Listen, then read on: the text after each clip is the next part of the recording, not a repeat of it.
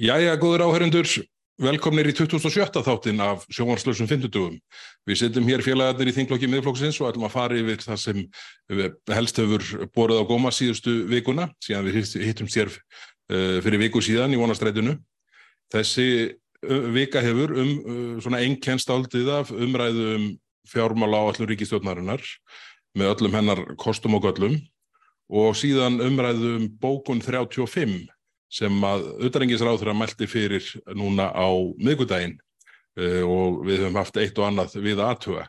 Svo við nú lúnskan grunum það við hérna, lítum aðeins hérna yfir vonastrætið og í áttað ráðhúsinu. Það er eitt og annað gengið þar á þar eins og vanalega, meðal annars var kallað eftir afsökn borgarstjóra.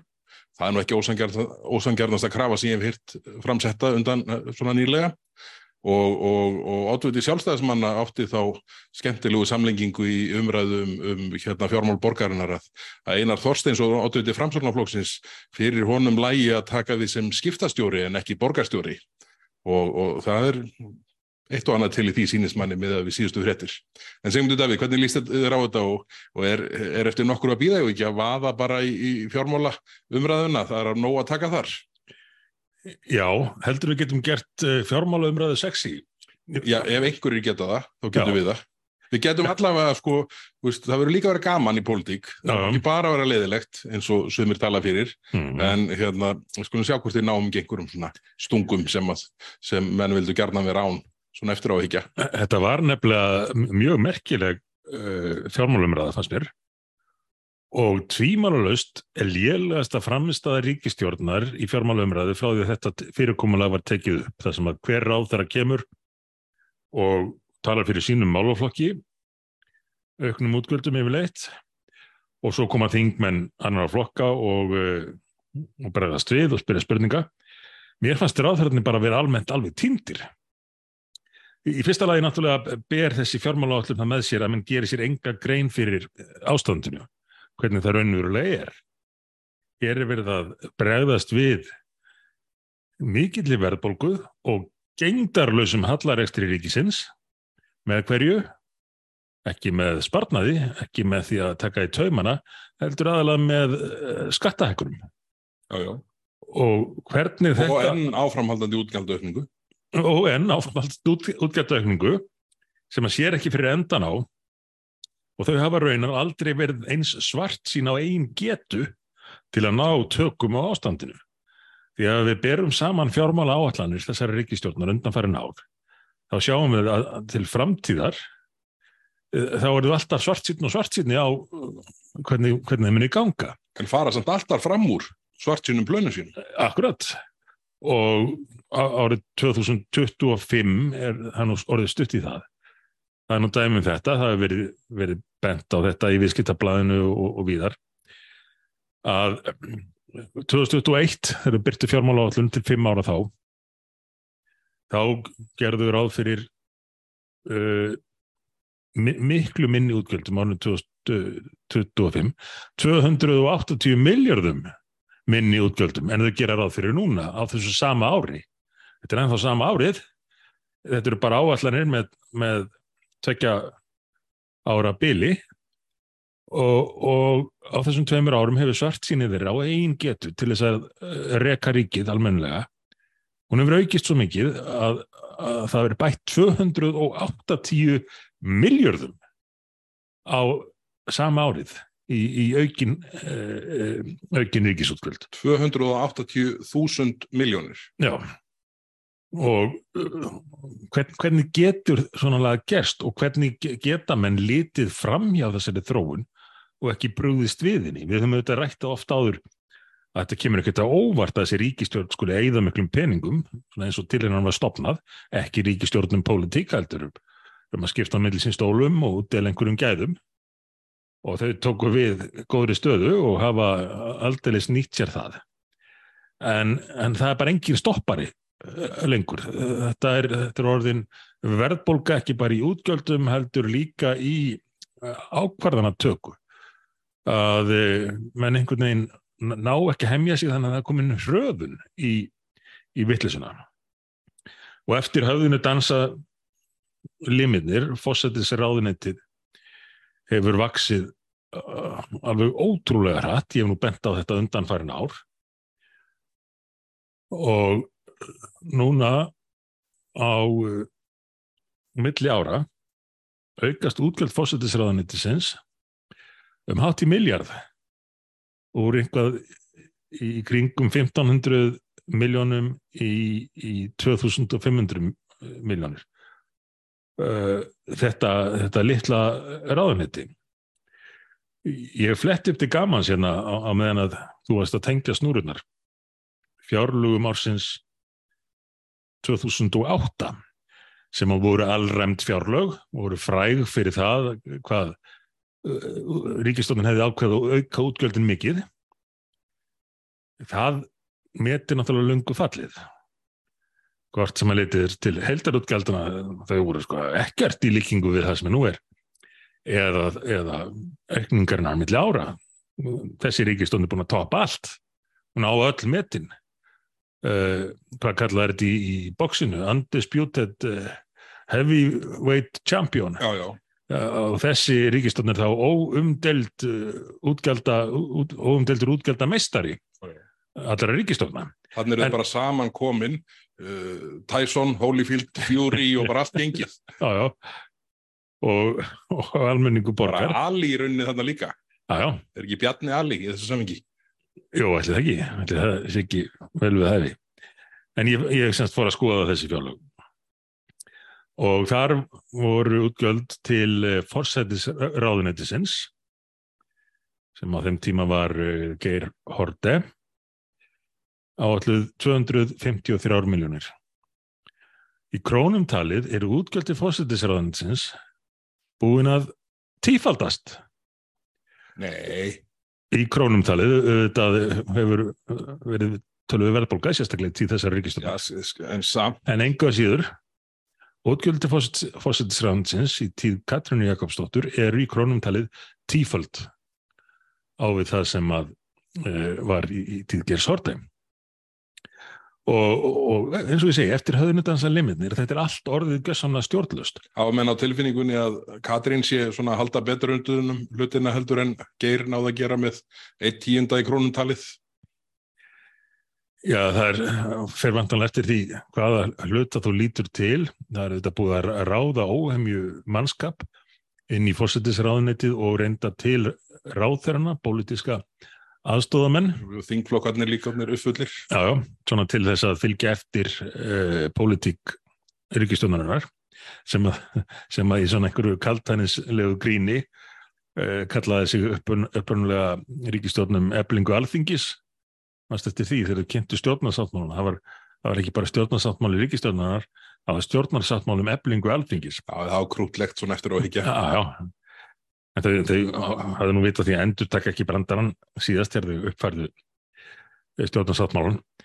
En þetta er allavega þannig að, að nú yfir línuna eru útgjöldað aukast, það eru helst uh, vinur okkar bændur sem eru skildir út undan eins og svo oft áður. Það er ekki gert ráð fyrir aukningu frekar samdrætti til þeirra. Alveg ótrúlegt hvernig framkoman við, við landbúnaðin hefur verið. En uh, í, í fórsættisræðanettinu er, er núna ímis vinna í gangi til að uh, framfylgja stefnu vinstri hreifingarinnar græns frambóðs.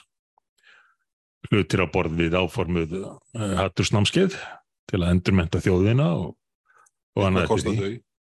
Einhvað, einhvað munu þau kosta þó að, þó að þau segi í, í frumvarpinu að þetta kosti eiginlega ekki neitt sko. Þetta, þetta sé allt til. Heyrðu, þó að við komum að sko hérna félags- og vinnumálar á þeirra og eftir Já. þá verður nú þessu samingi sko að því að það ærir með alltaf þetta uh, illa unna kostnaðamatt frumvarpa. Mm. þá misti vinnumarkastar á þeirra þútu sér, Guðmundur Ingi Guðbrandsson að kostnaður við uh, samræmda móttöku flótafólks á næsta ári verði 900 miljónir Já Uh, við stoppuðum þetta mál sem var samþitt á síðasta þingi, þrísverðað fjórum sinnum, en í kostnæðamatinu þar stóð að kostnæðun er 40,8 miljónir. 40,8 og við var þetta ekki, fyrst, var þetta ekki fyrst 25 og við höfumumst í því? Já, og, og þá, þá komum við uppvært mat. upp í 48 já, já. Og, og síðan hérna uh, þvinguðu við það einhvern tíman inn í, til nefndar á milli annar og þriðjum umræðu Mm. og nefndi seg, erum við skulum bara spyrja hvort þetta sé eitthvað viti í þessu hérna, kostnæðamati og hver á spurður? Liðið sem framkvæmdi kostnæðamatið. Þetta, þetta, þetta tekur ekki nokkur tali sko þessi vittlisa. En niðurstaðan svo, þegar frumvarpið er samþygt var kostnæðamati 40,8 miljónir, niðurstaðan næsta ári 900 miljónir. Þetta er 20 og hvað? 4-5 földum. Þetta er, þetta, sko, þetta er svo galið, þetta er 22, 22 földum, sínins mér. Ég, ég sá þetta gerast þegar ráðherran saði þetta og hann fýpaðist ekkit Nei. og hann var bara að lesa upp Hann vissu þetta alltaf að þetta er þið svona. Hann er að gera þessa samninga. Það var bara fyrirsláttur og fals. Þú rétt ímyndaði hvort að þessir 900 muni yfir höfu standast. Nei, það er enga líkur á því. Það er náttúrulega algjörlega stjórnlaus eh, málaflokkur. Uh, en, en við komum kannski að honum á, eftir ef við erum að fara að skipa í gegnum þetta. En bara til að klára þetta með, með fósettisráðurann. Og skrifaði hann nú grein í morgunblaði uh, núna nýverið sem að var farið yfir ágætlega í, í leiðari viðskiptablaðinu. Já, frábær leðari. Já, já, vir- virkilega gott sko, setti hlutina svona í samhengi að og, og, og, og niðurstæðan væri rauninu svo sama og ég talaði um hérna í þinginu og svo verðum að ræða núna að það er einhvert algjört skilningsleysi þessar ríkistónar á stöðinni og menn jafnvel að státa sig af einhverju sem þeir telja vera rosalega flott. Eh, eins og áformum uh, hans að, um að halda áfram að hækka skatta á fólk. Uh, en hefur í rauninni bara mjög skadalega áhrif á samfélagið og verðbólgun ekki hvað síst. Því þau eigða þessu öll í jafnharðan og, og me- meira á næsta ári en á þessu ári og enn meira örgla uh, eftir, eftir því sem að þessi ríkistótt situr lengur. Já, akkurat. En ef að færa okkur úr fórsettisráðanitinu, lett að byrja á fórsettisráðura, uh, fjármálaráðura þetta fór yfir sinn þátt uh, fyrir, fyrir hlje, fyrir Og þetta skrítið að slíta þetta svona í sundur en, en við það varði ekki ráðið þar sem þau áttu erfitt með að koma plagginu frá sér. já, já, Þannig að þá var, þá, þá var tekin einn dagur með fjármálaráðura fyrir páska og síðan, síðan fagraðurarnir og fórsettisráðura eftir páska. En síðan ef við förum í fagraðura rununa, þá var fyrstur á blaði Sigur Ringi Jóhansson og, og það var nú svona kannski ekki mjög uppborfandi það sem að hérna það sem að frá, uh, frá formanni framsnáflokksins kom.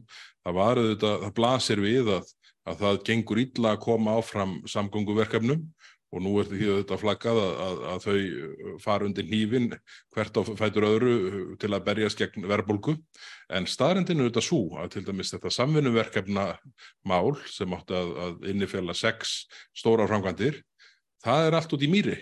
Það er bara fast upp á skeri. Það er hérna eitt verkefni þessum sex sem er einhverjum ekki komið að stað og það er ekki ennþá fengist engaðilega til að koma að því.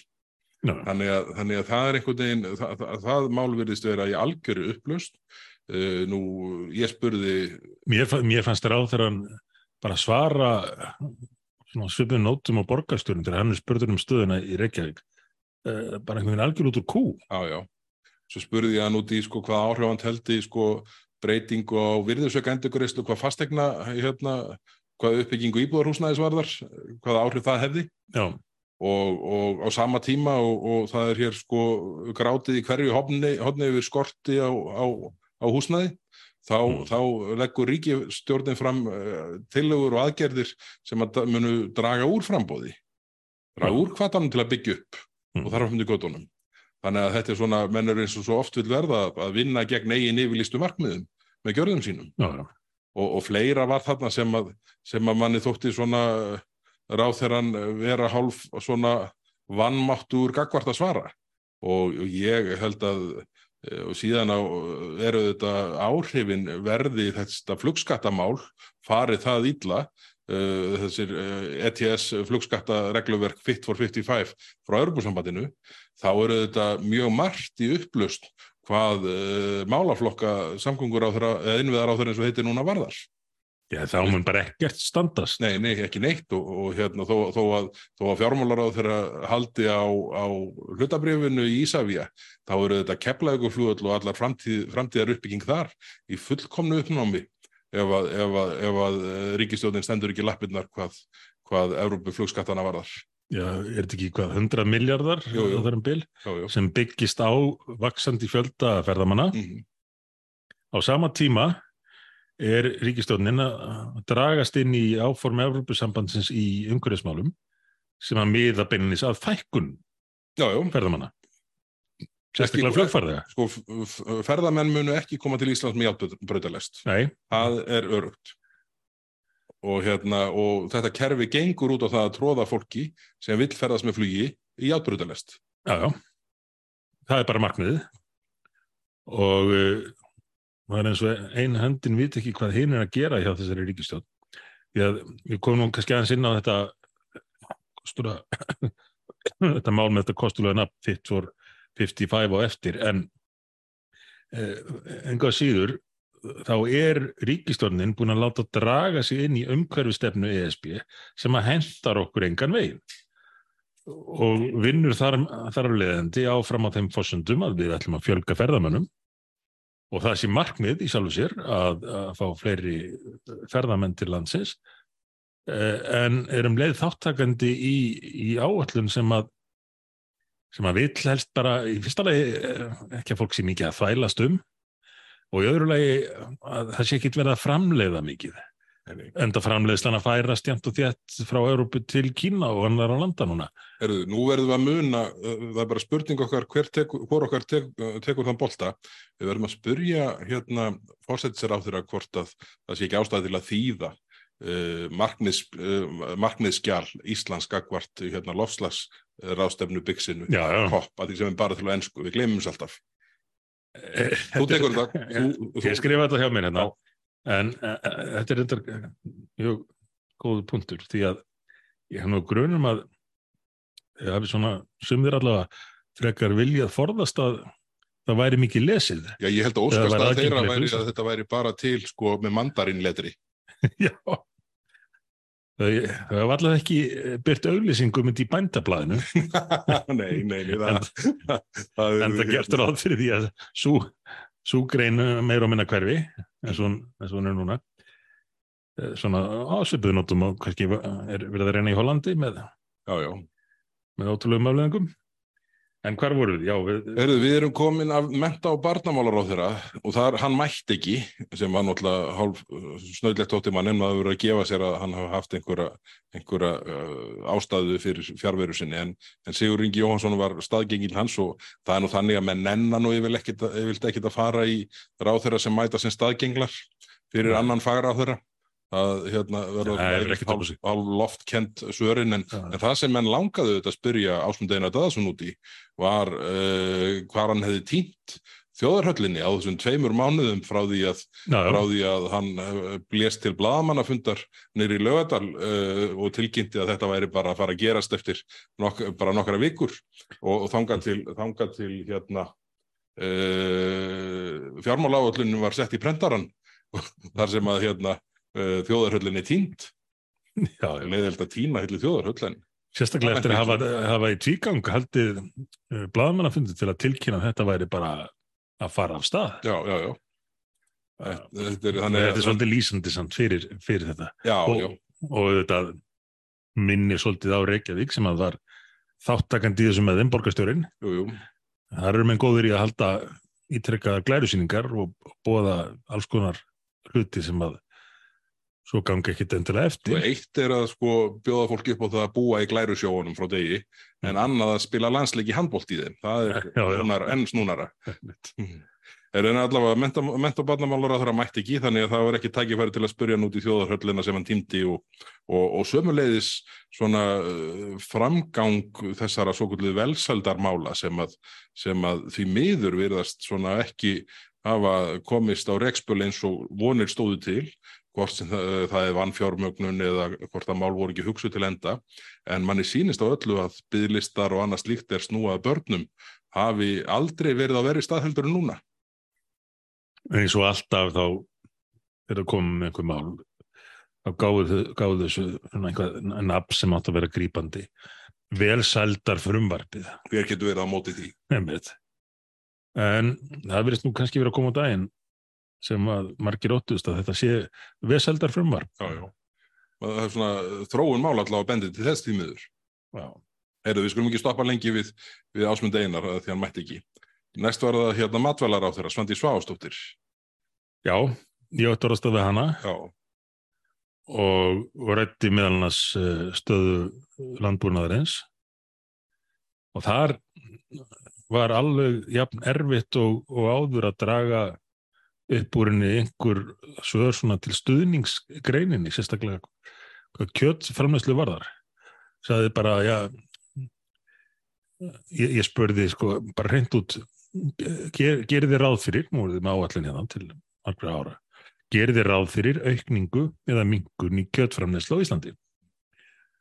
Hún vildi ekki svara þessu, öðruvís en að segja, já, smekkur fólks breytist og nú eru bara vísbendingar um að fólk vilji kannski síður borða kjött og það var greina jákvætt að maður er á þeirra hans. Til að forðast það að segja reynd út að hún vildi fylgja þeirri stefnu sem að stjórnvöld hafaði búið upp meðan þess í þessu plaggi sem þú nefndir á þann um að þrengja landbúnaðinum þá er það bara, bara smekkurinn sem gildir. Og manni sýnist á öllu að matvælar á þeirra sé álíka andum innlenda kjötframleyslu og degi bí eggersunum flugullin í Vasmýrinni. Já, já, þetta er mjög á sömu nótum. En svo, eftir talsverða gaggrinni á hversu ítla væri staðið með innlendri matvælarframleyslu, þá, þá saðan þó ítrekkaði að ríkistjórnin ætlaði að stýða við kornrækt. Gott og vel. Ég held að það sé mjög æskilegt að við aukum kornrækt á Íslandi, með þessi áhuga maður um það. En hún vildi hins vegar ekki svara spurningunum þegar ég spurði hana. Eh, Þýðir það þá að það megi nýta ábyrð til kornræktarinnar og auka fyrir vikið ábyrðar notkun.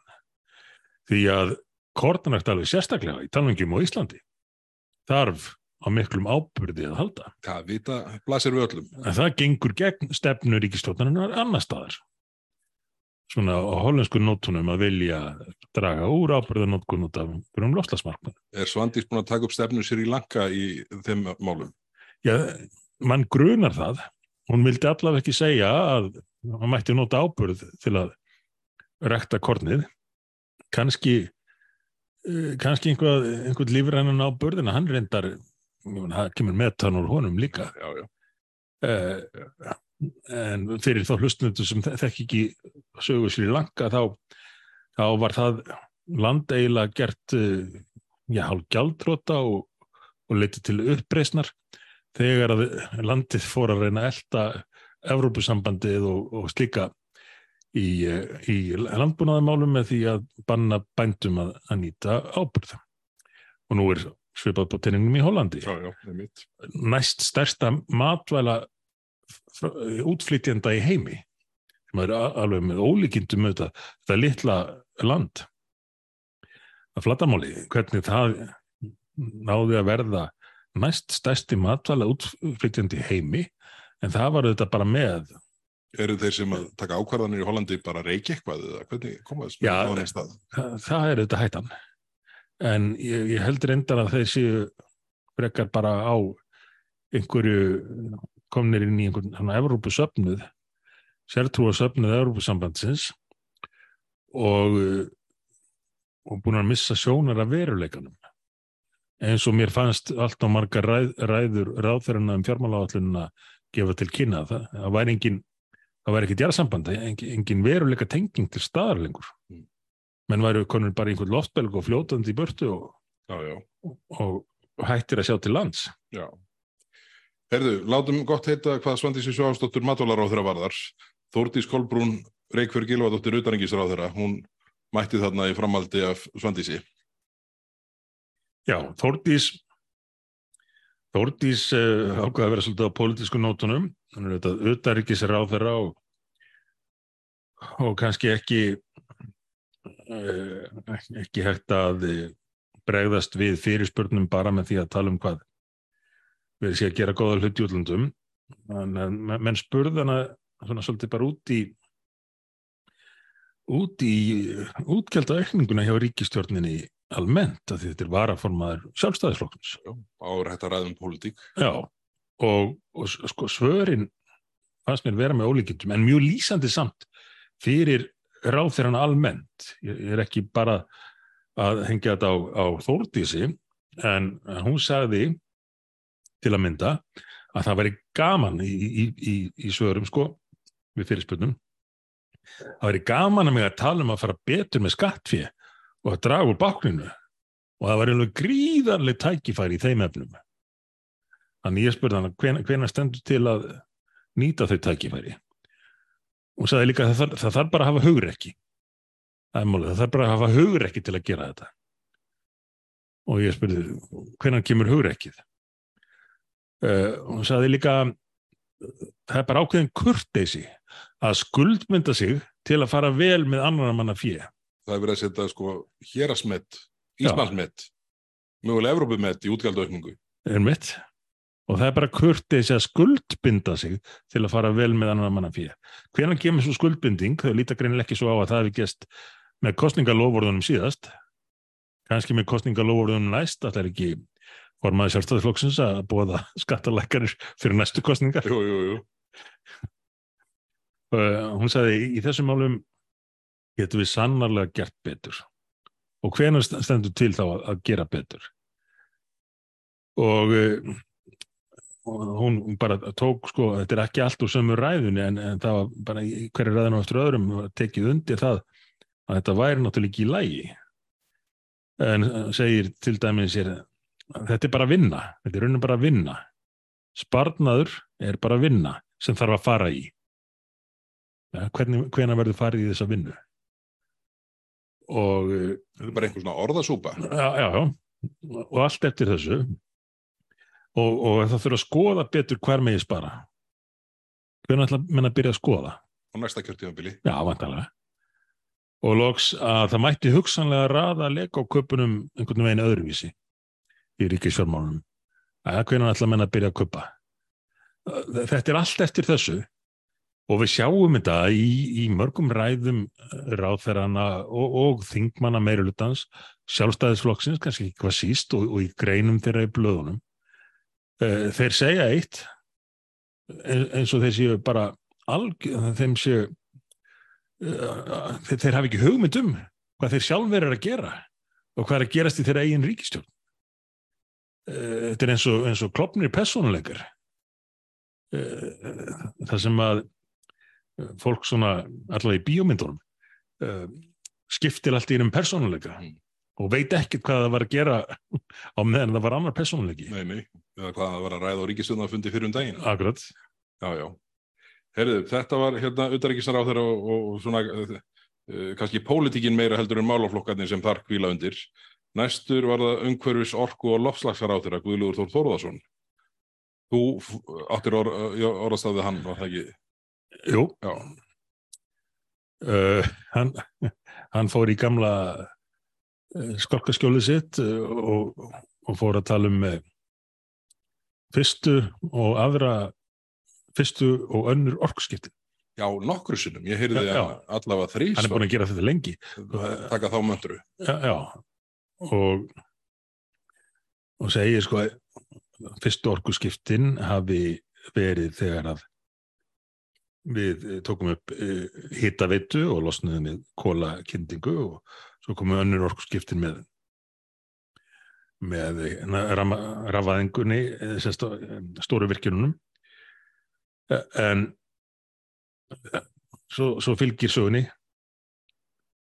Ef mann er að gaggrina núna fyrir einhverja stefnu út í loftið lofslagstefnu ég þá ertu bara á móti fyrstu og öðrum orkuskiptunum. Ef þú ert með einhverja gaggrina það hvernig við erum að gera þetta núna þetta er náttúrulega ekkert svar Og en byrju, er einhver, að, er einhver tenging þannig á milli í raunheimum? Ég meina, ég, ég, það er ekkert verið að ræða það, það, eru, það er bara það tókst virkilega vel til með, með rafæðinguna og hittaðutuvæðinguna og, og það er ekki neitt partur af umræðin núna, annað en að grundvalla þá staðreindað að við erum með besta árangur í heimi. Hvað var það já. endurnýjan, nýtingu endurnýjanlegar orku? og, og Sem ágreiningur- bara hversu vittust er fyrir okkur að gera stakt nýtingar Európusamvansins í þessum efnum. Nákvæmlega, og þetta er mynd minnir á, á svörinu þeirra svona standard svörin sem við flytja eins og mantru varandi alla gaggrinni á EES eða Evrópusambandið það er alltaf byrjuð eftir á móti EES samningnum já, já, segðu mér bara, þú viltu hérna leggja eða-samningin. Nei, nei, nei byrju, ég var bara að benda á, sko, þið eruð að hérna klúðuramálunum gjörsamlega og gefa eftir fullveldi Íslands með ákvörðun sem þurfi ekki að taka. Nei, eða, þá ertu bara móti. Þetta, þetta er svona, þetta er svipu taktík, taktík skildi kalla. En hann var, hann var mjög á þessu og, og svaraði lítið til um, um uh, þær spurningar sem að fyrir hann voru lagðar eins og gengur nú á þeim ráð þeirra en sagði þó að vindmjölur að að það var búin að vera vind, að vindmjölur hefði verið til lengi. Og öðru og við alda minnum hann hafi já þannig að það var kannski ekki svo mikið ágefni að því að það eru búin að vera til lengi. Svo er náttúrulega ekki spurningunum vindmjölu stefnu ríkistjónarinnar og hvort að ætlar hann að tala fyrir byggingu kjarnorku vera hérna með þeim rökum að þau lengi verið nótið elendis já, einmitt. Já, þeirðu, þetta er, látum þetta gott heita af, umhverjus orku og lofstafsar á þeirra og, og færum okkur yfir í menningar og viðskiptar á þeirra, Lilju Dögg Alfredsdóttur. Já, uh, ég átti orðast að við hanna hann að í lókvölds og ég eins og aðrir uh, margir aðeins þingmenn er þetta við hana um fjölmjölana uh, meðal annars. Og svörin voru heldur rýr. Það var ekkert svar um, um stöðu ríkisútafsins sem að mikið hefur verið rætt núna meðalans af, af stjórnundum annara fjölmiðla sem eru þetta gangið gegnum mikla erfilega.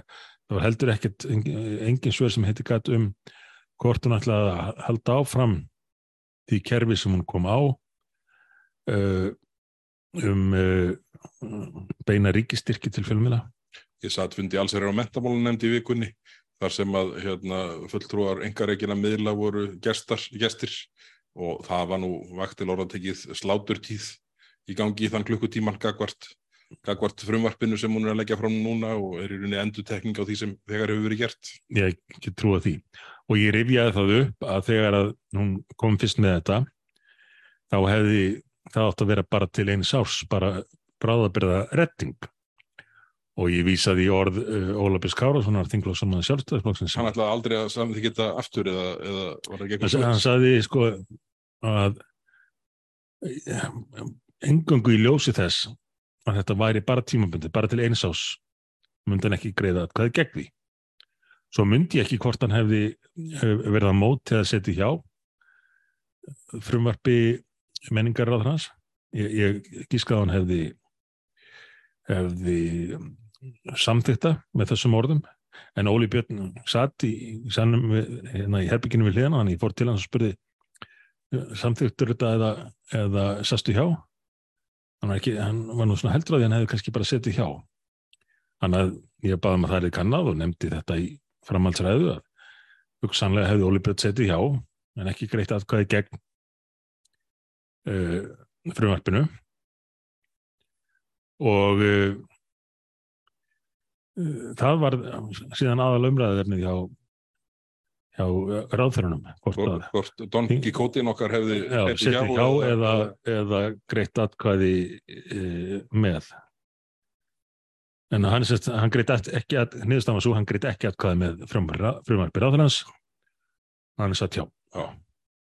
Þetta, þessi, þessi mál eru þetta mjög í deglunum núna og, hérna, og þetta frumvarp uh, menningar og viðskiptar á þeirra er til meðferðar í allsverðar og metamálunemnd og það voru sko sannarlega ekki góðu dagur fyrir það frumvarp þarna á fundi nefndarinnar í, í vikunni. Herðu, þá eru við búin með mánundaginn, þá ráð þeirra sem að mættu fyrri dag fagra á þeirrana. Já, ég verði að leira þetta aðeins, ég held ég enn og aftur rugglast þannig aðeins aðan þegar ég fór að tala um að greiða alltaf gegn, spurningin var hvort hann hefði stuttmálið á þessum fórsöndum eða setið hjá. Já, hann satt hjá. Hann satt hjá. Já hann hefði nú mögulega þurft að bera sér sakir hefur haldið í fram að hann hefði stuttmálið Já. En, en ráðfærum virtist vera ánaður með það að, að, að, þinglum að sjálfstafsflokksins hefði, hefði setið hjá. Já, það er, það er margt skrítið í hérna, gangverki þessar ríkistjóna sem við setjum uppi með núna. Herru, þá færum við okkur öðru á þriðudaginn þar byrjaði Katrín Jakobsdóttir fórsættisráður og við erum búin að fara yfir, fara yfir hérna, uh, það sem að, að fórsættisráður snýr. Næstur var dónsmálaráður Jón Gunnarsson. Já, ég talaði um hann líka og þú getur, þú mátt gíska þrísvar hvað var aðal umræðumni þar Var það sammenning uh, hérastóma, dómstóla? nálagt, nálagt það var uh, stjórnleysið sem að ráðferðan sjálfur Það var, kallað svo það var nú reynda það sem ég gaf mér að hefði verið raunin. Já. Útlendingamálin. en nýjust tíðindi af því er þau að, að nú það sem afir ári hafa fleiri einstaklingar komin til Íslands að sækjum hælinn til erum Ekki hlutvarslega, bara einstaklingar. við þurfum ekki lengur að tala hlutvarslega Nei. fleiri einstaklingar koma til litla Íslands að sækjum hæli heldur en til Danmerkur Þetta er ekki hægt. þetta er ekki hægt, þetta er algjörlega fráleitt en, en er eins og við mátt bent á afleðing af stefnu stjórnvalda og aðgerðaleysi í málaflokkum og, og ráð þegar hann bara brást ágætla við og, og flutti ágættis eh, svarræðu. Tók í rauninu undir með okkur. En það komu engar lausnir. Það, það, það var ekkert sem benti til þess að þessi ríkistjórn myndi taka á, á málunni í samræmi við tilefnið. Það komið þetta vana, vanalega sko að þetta eru nú ólíki flokkar í ríkistjórninu og uh, það er allt saman erfitt en, en vissulega stórmál uh, og það kemur ekkert frá þeim þó að staðan sjóðan þessi að fleiri einstaklingar komið til Íslands að sækjum hælinn til Danmerkur og að landsmönnum í fyrra íslenskum ríkisborgurum hér á landi hafi fækkað bara örlítið miða við erlendaríkisborgara. Fyrir hvern Íslanding sem fjölgaði um hér á landi í fyrra fjölgaði um meirinn 15 erlendaríkisborgara. Þetta er, Meirinn 15 föld fjölgun erlendaríkisborgara með Íslandinga. mann setur bara hljóðan. Já. En þetta er ég, En viðbröðin eru, engin sko. Nei, nei, og nei, það nei. kom engin svör um það. Bara enn og aftur tekið undir áhugjurnar en viðbröðin ekki til staðar.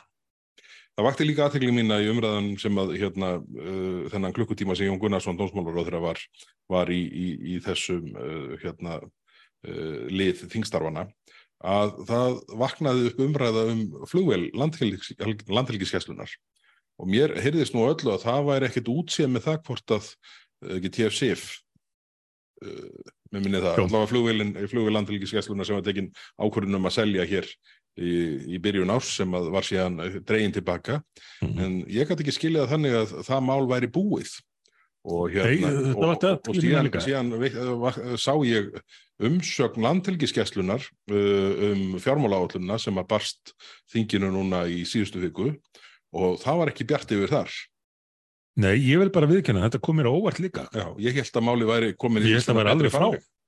Já, ég, hérna, þetta, við þurfum að vakta þetta Kannski verður þetta bara til að hérna, komast hjá frekar í fréttaflutning í byli en, en þetta komið bara svona eins og borgarstjóri þegar hann lætur uh, þá fóruldra sem hæst hafa yfir hérna leikskóla uh, vandamálunum fá pláss fyrir börnin sín svo að, Já, já, svo að þeir þagni. Já, það er taktik sem hefur gengið upp hérna hinnum með göttunar. Herruðu, þá fyrir við næstu við til Háskóla innaðar og nýskupunar á þeirra, Áslöður Örnu Sigurbjörnsdóttur. Ég átti orðastað við hana og það var hérna, já, hvernig var svona að ræða pólitík við hana frekar en málaflokkana því þeir eru nú kannski svona daldið ráðuneytið hennar enn í mótun svona partur Já, af þessari hérna, aðgerð sem þurft að ganga til til að fjölga ráðuneytum til að allir getur fengið sitt eftir síðustu kostningar. Og, Og- það samtal myndi mér svolítið að samtal mitt við Þórtísi Kolbrún. Já, ég er nefnilega held að þetta hafi verið sama samtalið við sem eru hérna uh, kunstugt að mörgu leiti en, en ég, ég uh, rætti við áslögurnu út, uh, svona út frá príðiskóðu viðtali sem að hún fór í í dagmálu morgunblassins, þar sem Andris Magnússon uh, rætti við hana. Þar sem áslögurna talaði bara með mjög skýrum hætti að svo staða sem upp væri í ríkisfjármálum núna bara gengi ekki. Þetta væri ekki hægt að sko horfa útgjaldavöxtinn og, og, og kröfur á þeirra til aukina fjárveitinga og þarfum til göttunum ríkisjóðin yrði að spyrna við fótum hvað uh, verðbólgu þrýsting varðar og, og, og annað slíkt. Mm. Og þannig að ég spurði hana bara hvernig gengur. Já, Er fjármálaállun sem við ræðum nú, er hún í takti við þær vendingar sem þú hafðir í viðtalinu þarna 23. mars, minnum að dagsningin hafi verið. Mm. Og, og það, var, það er stundum erfitt að svara þegar þú ætlar ekki að svara.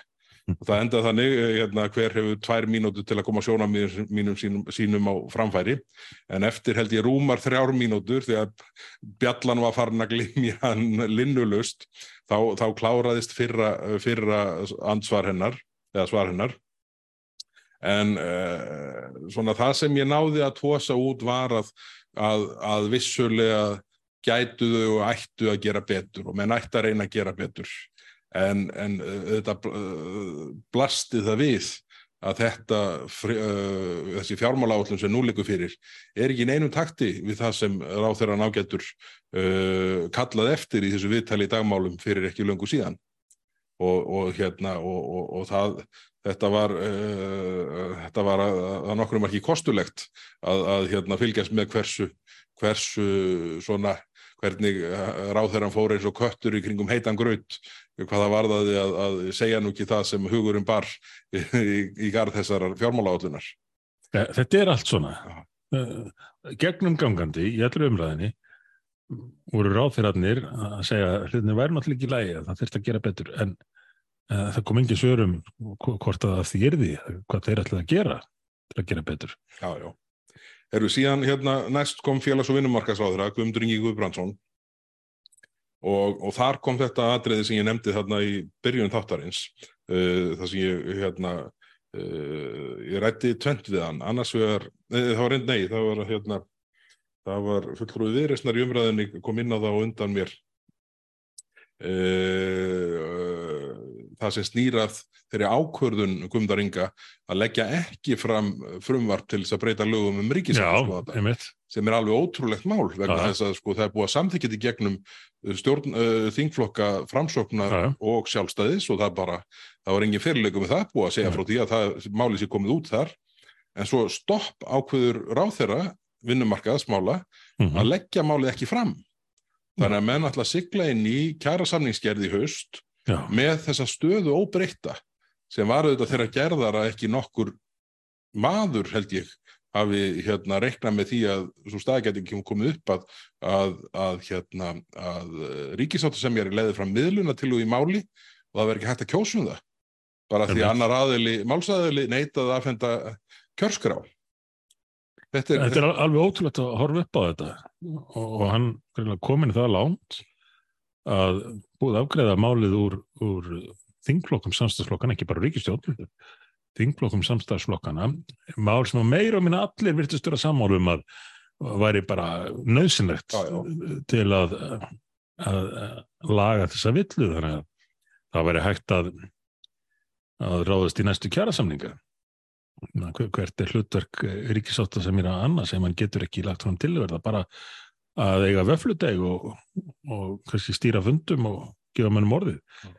Uh, en, en þetta munum vera, hafa verið gert eftir samtöl við einhverja eh, sem að menn geta nú kannski getið sér til um hverjir hafi verið og hafðu ekki viljað þetta og, og ráð þegar hann bara lúfar hvert tí fólki það er ekki stert fyrir, fyrir ráð þeirra þegar hann er með mál sem er nöðsynlegt til að viðhalda kerfi sem að hann heldur utanum já, já. Að láta einn eða kannski tvo, ég veit ekki allar fleiri en það eh, segja sér hann með ekki leggja málið fram og bara draga það tilbaka. Já, já. Það, þetta, er, þetta er alveg ótrúlega staða.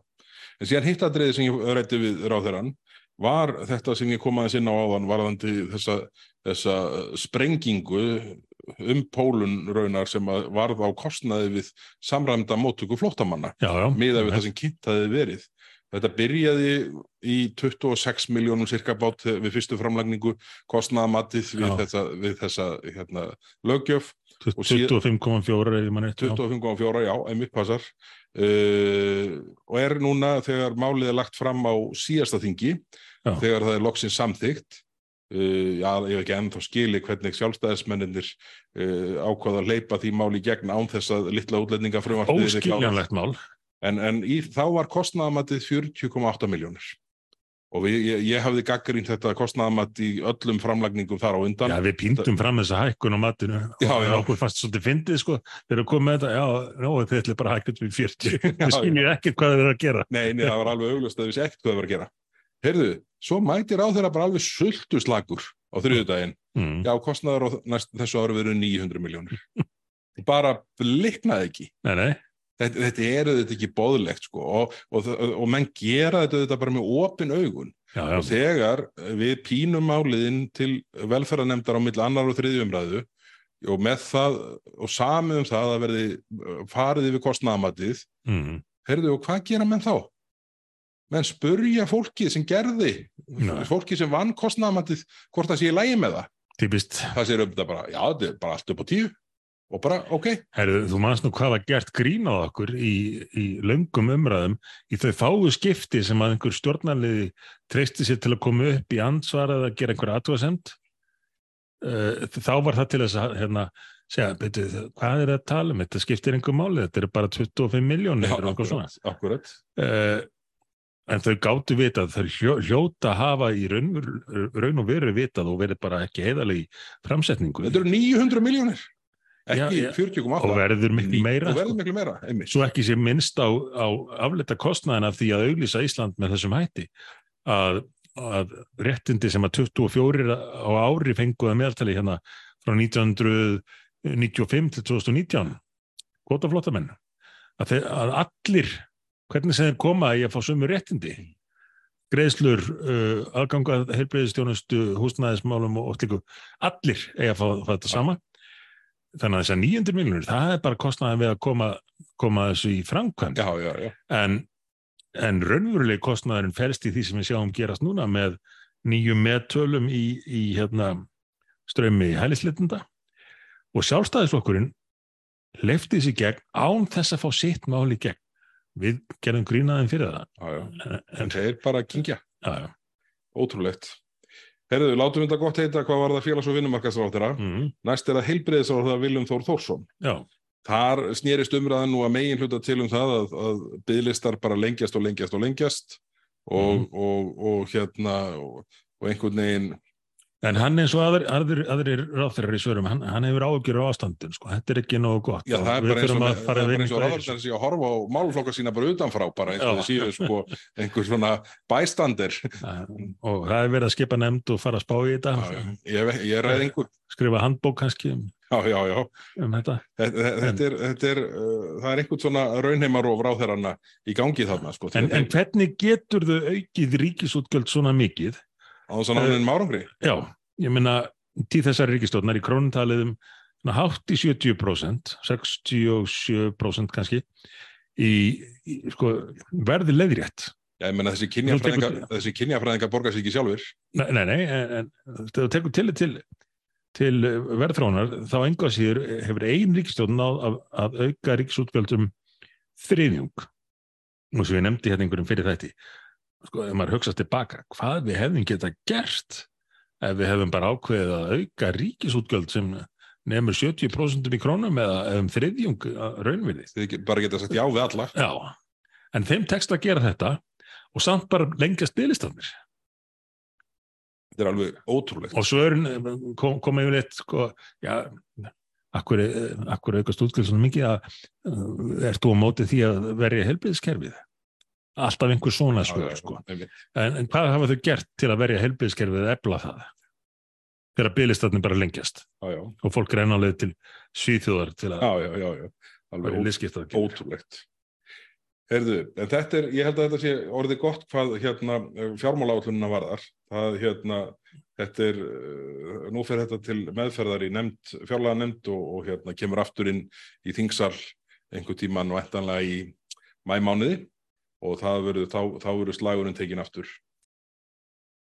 Já, en, sí, en síðan var það hérna bókun 35 sem að fjár, uh, utanrengisráð þeirra mælti fyrir í gær, miðgudag, uh, sem að hérna, við höfum gert verulega fyrirvara við já, og margir málsmetandi aðilar, uh, Markus Sigurbjörnsson, Jón Steinar Gunnlaugsson uh, og margir fleiri uh, líst yfir hérna, áhyggjum að þessum máli, Arnar Þór Jónsson, uh, ég geti talið áfram. Þetta er, hvernig svona, ef þú reynir að aðeins að ramma inn hvernig þetta horfir við frá þínum bæjættirum séð. þetta er algjörlega lýsandi mál fyrir stjórnarfærið sem við búum við núna á svo marganhátt. Í fyrsta lagi, þetta er stórmál, þetta er risamál og hvað er gert með stórmál í íslenskum stjórnmálum nútið dags, það er reynd að gera sem minnst úr þeim á meðan að menna eigða endalusum tíma í, í minnimálum, líður betur þar. Þetta mál varðar fullveldi Íslands og þetta er ekki einhver kenning okkar þó að við höfum lift okkur að benda á það hérna fyrst er að eða kom til umræða að von væri á þessari allræmdu bókun 35. En svo þú, þú nefnir, reyndir dómarar meðal annara hafa, hafa bent á þetta líka. Og fyrir þá sem að þekk ekki bókun 35 þá er þá snýst hún um að lög samin af einhverjum embætsmönum í Brussel og afgreitt hérna á Altingi í framhaldinu öll færi bandavinnan uh, fái forgang fram yfir íslensk lög lög samin hér á alþingi af fulltrúum almennings sem eiga þetta líðræðslega að vera að fylgja eftir þeirri stefnu sem þeir eru kostnir út á. Uh, og þetta mun stór skada stöðu okkar gagvart Európa-sambandinu, þetta mun vega að fullveldinu. Uh, því að við höfum séð það gerast hérna ítrekkað og við höfum ofta rætt þetta í þessum þáttum þegar að böglarnir koma á færibandinu uh, að þeir eru innlettir hér á alþingi án þess að menn oft á tíma hafi nokkra hugmynd um hvað þeir eru að samtykja og með mjög takmarkaðri umræðu, stundum engri umræðu nema bara sko, fyrstir áþerra og svo talsmaður kemur með smá texta og, segir að það er samtykjað þetta. Í nefndunum þá koma koma fulltrúar stjórnkerfisins og útskýra akkur þurfa að samtykja þetta. Og oft er laumað inn einhverjum, einhverjum sérstökum áhuga málum, það sem stundum er kallaða gullhúðun. Uh, og þetta rennur hér í gegn. Og svo áttar menn sig á því oft á tíðum ári setna eða ég vil tveimur árum hver hinn raunverulega áhrif eru. En menn treysta sér aldrei til að, að stíga niður fætti og segja nei, þetta hendur ekki íslenskum aðstæðum. Nei, nei Það er engin dæmi þess til að mynda menn nýti grein 102. Nei, engin dæmi þess. Hugsa sér það. Á 30 árum. Og eins og menn hafa nú bent á held Arnar Þór meðal annara þá þetta getur eh, gildi þessa ákvæðis, þessa varnagla sem var grundvallar atriði til að fá EES samningin samþýttan hérna uppálega. Það getur rýrnað ef maður nýtað ekki. En í staðinn þá þegar að maður nefna þennan möguleika þá fáum við svör frá ráþörum meðan að sjálfstæðisflokks og ekki hvað síst sem eru einhvern veginn svona sko, eða samningurinn, hann er svo mikilvægur fyrir okkur að við bara getum ekki lift okkur að rugga bátnum Er þetta beinlegin skrifað inn í samningin? Já. Þessi réttind okkar? Og þetta er einhver algjör undirgefni, einhver algjör uppgjöf gagvart Európusambandinu og svo fá mér bara eins og eins og frá auðvitaðrikisráðferðunum núna í umverðan þetta mál. Já, já, er þið bara á móti þessanlegnum? Já, já, alveg fyrðun algun. Alveg ótrúlegt að horfa upp á þetta. En, en, en það lýsir svona hugarfari sem er ástætt til að hafa ágjur af og, og fyrirnemdur Arnar Þór var, var maður að tala um hvort að sjálfstæðisflokkurinn væri kannski bara orðin flokkurinn. Já, já, það verður ábyggilega uh, hérna, uh, sært marga en uh, þetta er Sannleikurinn getur stundum verið já, já, bitur. að hérna, sannleikannu verður hver sá reyðastur. En hann þórir, hann þórir þó að fylgja sínum skoðun og sinni stefnu Já. því sem hann talaði fyrir fyrir kostingar. Stefnu sjálfstæðis. Stefnu sjálfstæðisflokks. Já, já. Þetta er nefnilega hérna... Meintri stefnu já, þetta, þetta er, menn er á mjög vondum stað með þetta, sínist mér og, og, og, og líka með hvaða hætti svona uh, mótspyrnan eða, eða svona árósirnar, ef við, ég leiði mér að kalla það, á þá sem að hafa evasemdir um, um þessa nálgun. Það eru svo, það eru svo harkarlegar, það eru svo aggressívar að það er greinilegt að þeim líður mjög illa með málið. Já. annars myndi mann bara leifa umræðin að hafa sín gang og þetta bara hérna svona matlað innan þingsins en það var alveg ábyrjandi hvað var sko hérna slegið fast tilbaka og það var nú bara hressandi en hérna en uh, það svona skildi eftir þá tilfinningu að menn vildi ekki vera fastir í þessar umræðu að Já. því menn væri raunveruleg ekki þeirra skoðunar að þetta væri skynsalegt að gera þetta Já, já, en lítum bara til, til reynslunar sko. Ég, efast ekki um að staða okkar hefði verið miklu veikari eftir bankarhunnið ef að þetta hefði verið farið í gegn. Uh, þau skilabúð frá alþingi Íslendinga að uh, það liti svo á að lög og reglur frá Brussel ætti að vera aðri íslenskum lögum. Því að maður fekk að heyri í hvert einasta skipti. Ég, ég man eftir þessu þegar þessar umræðu strax þegar neyðarlögin voru sett að þau gengju gegn uh, Evrópureglum. Í milli tíni hefur reyndar að Evrópusambandi frekar sko, farið inn á, inn á hérna, þá, þá leið að tryggja sérstaklega innistæður í böngunum umfram aðra fjárfesta. Sama í ISEF það er voru ekki fáar heimsókninnar sem að ég og fleiri stjórnmálmenn fengum frá uh, fulltrúum ekki bara þessari ríkja, heldur Evropasambatsins líka, því að það, má ekki glemma því það var ekki bara Ísland á móti Breitlandi og Hollandi í þessum slag líka móti Evropasambandur og stöðut vísaði það að við þyrtum að virða reglur þess. Sama með uh, slægin við slitabúin sama með skuldalegritinguna það var alltaf þetta, veitu, þið er það að fara gegn Evrópureglum en svarið sem við gátum nota þá var við erum bara að nýta fullveldis rétti landsins til að takast þér á við neyðar ástand og hversum við óskupunum ættu stjórnvöld að vilja veikja getu okkar til þess Já, já, einmitt. Þetta er, uh, þetta er mál, eru núna komið uh, því að vísa til meðferðar í hérna utanrengismálnefnd, það sem verður nú væntalega töluverð umræða á næstunni um þetta því að ég get ekki ímynda mér annað en að það verði mikill fjöldi sérfræðinga kallaði fyrir nefndina sem að hérna, sem uh, mun auðvitað tala sjónamiðum begja, uh, begja ef svo má segja en, en enga síður mál sem að hérna bara uh, minnst bara blasa við bara svona tómlætis áhrif ESA að sko það sé því engar aðtöðasemdi gerðar við þessi innleðingu á bókun 35 í 20 ár þá kemur eitthvað eitt bref sko. En svo láta menn til skara skrýða vegna þess og þá verður þetta alltaf mikið hafari.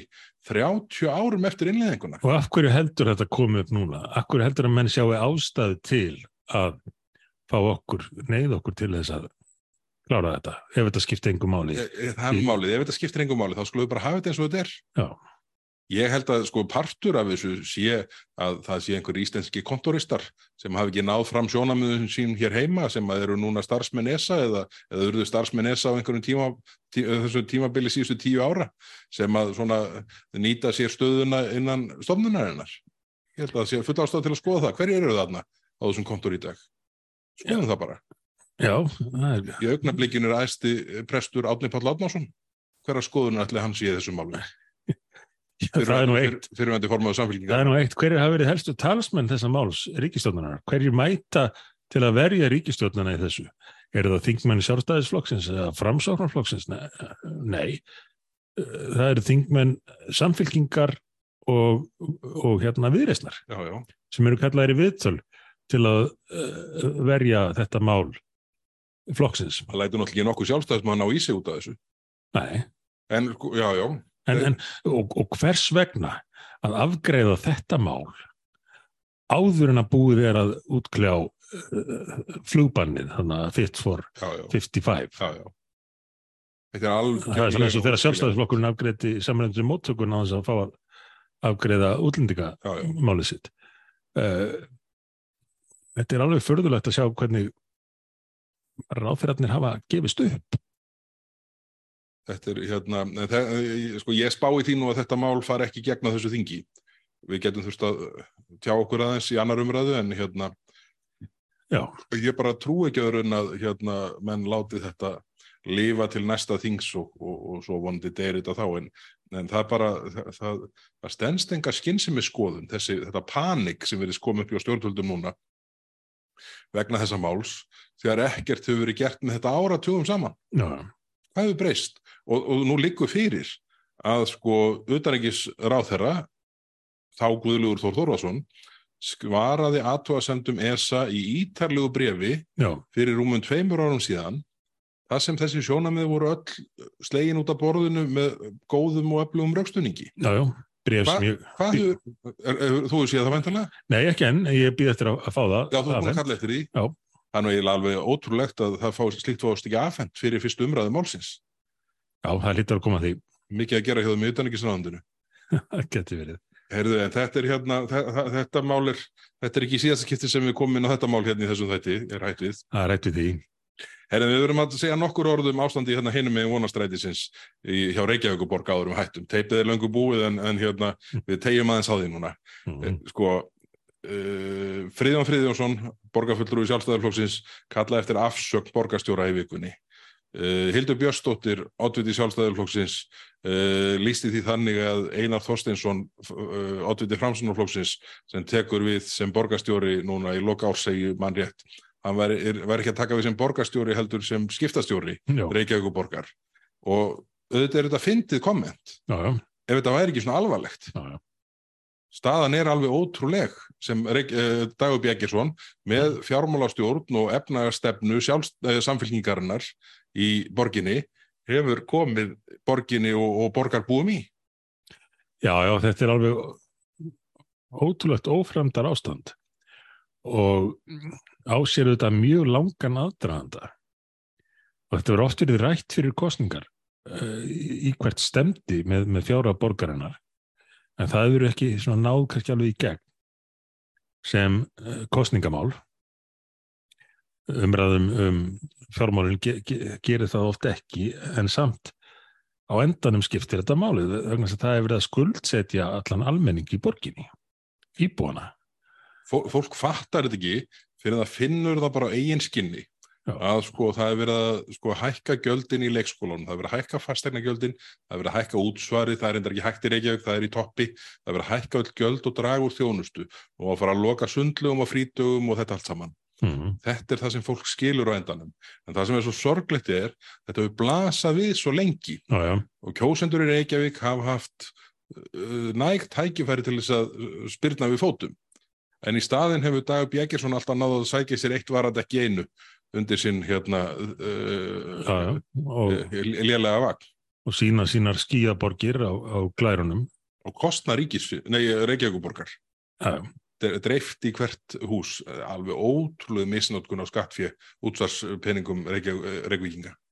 eitt þingmaður sjálfstæðisflokksins Diljá Mist Einarsdóttir uh, reddi þetta hér í vikunni í störfum þingsins. Og ég bara tók undir með henn en, en benti þó á að þau í meira hlutunum hérna í, í þinginu ættu nú kannski ef þau hafa áhugir af þessu að byrja á því að, að hætta að bakka borgina upp í þessari óráðsíu hlutum að borði það að ætla að borga fyrir hana þessa borgarlínu að þess að hafa hugmyndum hvernig ég rekka hana og svo frá þess. Það virðist vera það eina sem á ekki að hæja á í, hérna, á málumnarsviði innviðar á þeirra. Þau. Á að slá að framkvæmdir út um allt, Já, já. út um allt.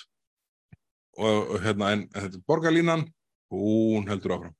Og Það svo er koma sparnaðar á þinn frá borginni eins og það að hérna, se- segja upp háskóla, nei, leikskólakennurum og að eh, reyna að dömpa borgarskjálasafninu yfir á ríkið.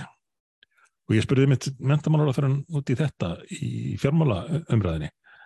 Það voru engin sörðu því hvort að ríkið ætlaði að hafa sig það að taka við þessu öll á borginni sem er reyndar ekki, vel að merkja ekki pláss fyrir á þjóðskjálasamnu þó það sé að flytja þá verður ekki pláss fyrir þetta. Uh, eina svari var já það borgarskjálasamnið er mikilvægt mikilvægt að pa- passa gögnin. Það var ekki spurningin. nei, það var nefnilega ekki spurningin. En svarið kannski svona gefur heldur til kynna að, að ríkið ríkistjórnin muni bara áfram uh, vera meðvirk með borgarstjórnum meiri hlutanum í uh, sínum órekstri. Við sjáum það nú bara uh, best á, á málumnarsviði innviðar á þeirra, formans framsóknarflokksins, já, já, sem að virðist vera til í að tjálta öllu til að oddviti framsóknarflokksins hérna, uh, svona komist svona sem uppréttastur inn í borgarstjórastólinn. það, verðist engu skipta hversu hérna hversu svona alvarlegur vandin er það, það, það skal leist á kostnaði ríkisins eða, eða, eða skattborgara heilt yfir. Já. Herðið, en hérna við verum að láta þetta duga í dag, teipið er löngu búið, við höfum getað farið yfir ímislegt annað, en Já. geima það til næstu viku, Jöp. en við verum auðvitað að enda á því að óska hlustendum okkar gleðilegs sumars, þakka fyrir veturinn, sittum hér í vonastreitin í góð, gott viður fyrir danglukan og hérna, sleppum við, við, við sleppum nöldurhóttninu. það verður ekkert nöldurhótt núna, Já. en ég hef lúmskan grunum að verði nöldurhótt næst. Já. Og skemmtilegt, varandi nöldurhóttnið, Mm. að það hafi uh, þó nokkuð margir haft samband í vikunni og látið vita því að þeir deili þessum pyrringi mínum yfir nei papparörunum og, og timburskeiðunum og, og áföstu töppunum. Þetta er alveg óþólandi. Og allt var þetta innleitt sko með miklu harkalegri hætti heldur en Evropasamvarslöndin gerðu sjálf Já, já. og ba- bannaðir plastbókar sem enginn var að gera, veist, allt tónvittlisa, menn fara fram úr sjálfum sér. Herðin, en kæru áhörendur, takk fyrir að hlusta í dag, við heyrumst á viku liðinni og gleðilt sumar. Takk fyrir bless, gleðilegt sumar.